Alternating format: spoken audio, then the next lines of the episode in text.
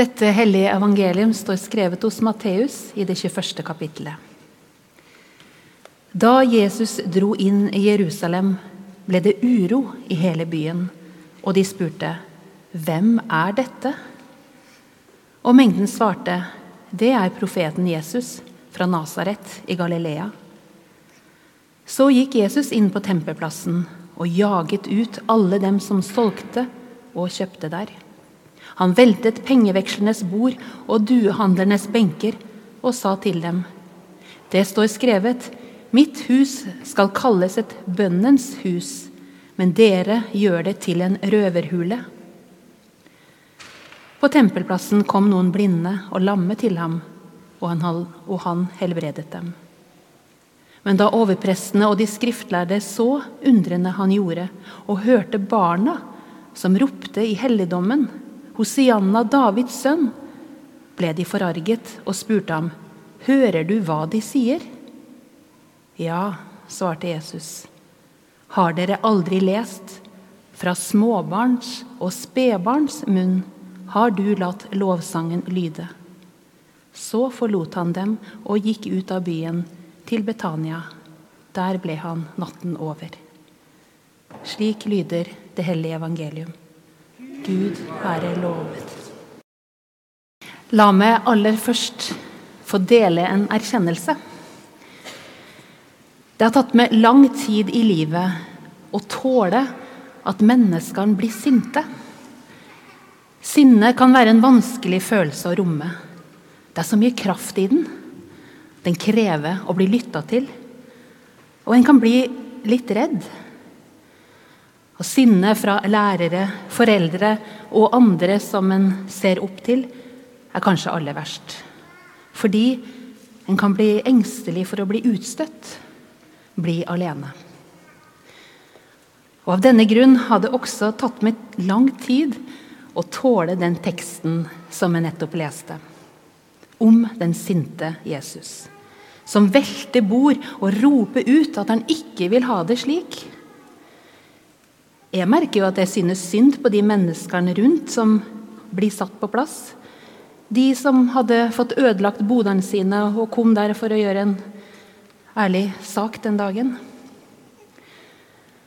Og dere guttekoret som sitter her, dere kan snu dere og se der, for der er faktisk denne fortellingen blitt billedgjort i et glassmaleri i denne kirka. Så den har altså fått sin plass her i vår kirke fordi det er en viktig fortelling. Og dere andre kan opp og se på den i slutten av gudstjenesten. Det er i hvert fall Jesus som har en rød kappe rundt livet. Rød farge, som ofte ansiktet til en som er sint, blir. Blodets farge, ildens farge og lidenskapens farge. Men hvor er det blitt av den milde Jesus, kan vi spørre. Som mildt tar imot barna og velsigner dem, slik vi hørte lest rett før dåpen. Jo, det klinger også med.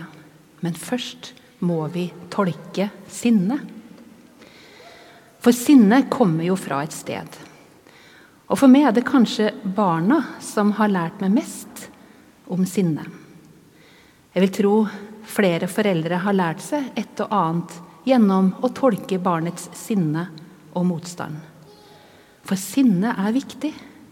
Det er et livsnødvendig uttrykk. Selv om det er ubehagelig i all sin kraft. Men ofte springer sinnet ut av ønsket om å sette grenser, verne om det som er viktig, om å stå opp for noe. Og det tror jeg også er veien inn til å forstå hva Jesus holder på med denne dagen utenfor helligdommen. For hva er det Jesus vil si? Jeg starta gudstjenesten med å si at i dag markerer vi starten på et nytt år i kirka. Og Kirkeåret har sin egen oppbygning med farger og fortellinger og stemninger. Alt dette for å la oss gjennom et helt år få del i hva Gud bringer oss av liv, håp, tro, kjærlighet, formidla gjennom evangeliet. Og Første søndag i advent markerer veien mot jul. Markerer forberedelsen på å ta imot Gud som det lille barnet. Og det er jo et godt sted å starte noe nytt. Og dere i dag som har tatt med dere Selina til dåpen, vil jeg tro har erfart dette. At å forberede seg til å ta imot et nytt barn, det lager et nytt skille. Noe blir annerledes. Det blir et før og et nå. Det skal lages et rom, ja, kanskje helt konkret ryddes et rom for å ta imot det som kommer. Å ta imot et barn markerer begynnelsen på en ny æra. Og jeg tenker at Teksten i dag handler om det samme. Nå starter en ny æra. Og Da kan jeg jo like at det starter så kraftfullt, slik som denne scenen utenfor tempelet viser oss. For Jesus sier at han kommer med noe nytt. Han velter duehandlernes bod og pengevekslernes bord. Så er dette et uttrykk for å sette en grense. Fra nå av er denne dyreofringen i helligdommen ikke lenger nødvendig. Det trengs ikke lenger en mellomvei til å mildne Gud gjennom ofring. Veien til Gud er åpen. Og For å vise dette så går han rett bort til de som var syke, og gjør dem friske ved sin guddommelige kraft. For disse syke de kunne nemlig ikke komme inn i helligdommen men fra nå av så trenger de ikke lenger å være avhengig av noen andre. Nå kan de selv tre inn, bli en del av fellesskapet. De får starte på nytt. Vi vet at sinne kan være smittsomt, og jeg synes også i denne fortellingen så ser vi hvordan, smitten, hvordan sinnet smitter over. Og nå er det tempelets ledere som blir forarga. De blir sinte på at Jesus tar seg av de som var de aller laveste, de som var utenfor. Og de blir til og med sinte på barna. Sinte for det de sier, for at de synger. Eller kanskje blir de sinte for at barna tar plass. Til alle tider har menneskene villet holde barna unna. Ja, Slik vi også hørte det i fortellingen som vi leste rett før dåpen. Da var det disiplene som ville vise bort barna. Er det ikke forstemmende hvordan barnets selvfølgelige og skamfrie holdning kan virke truende? Kanskje nettopp fordi de har et sant nærvær? Og lederne i tempelet spør, ja, hører du ikke hva de sier? Og det er da jeg liker Jesus han trer frem rolig nå og myndig og sier, 'Ja, jeg hører hva de sier.' Og indirekte så sier han, 'La de si det. La dem synge.' For det er de som har skjønt det. Hosianna, Davids sønn, fra småbarns og spedbarns munn skal lovsangen lide. Og det barna egentlig sier, er noe om at ja, det var Jesus som skulle komme. Han er oppfyllelsen av menneskenes lengsler om tilhørighet, menneskers lengsler om fellesskap, helt tilbake til Davids tid. Ja, det er fra barna en skal høre det. Og med barnas sang og med barnedåp i denne gudstjenesten så kan vi si at nå er vi med i forlengelsen av denne fortellingen.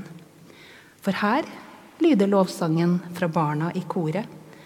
Og her er det spedbarnets lovsang i gurglingen og gråten som kan si oss noe om hva det er å høre til.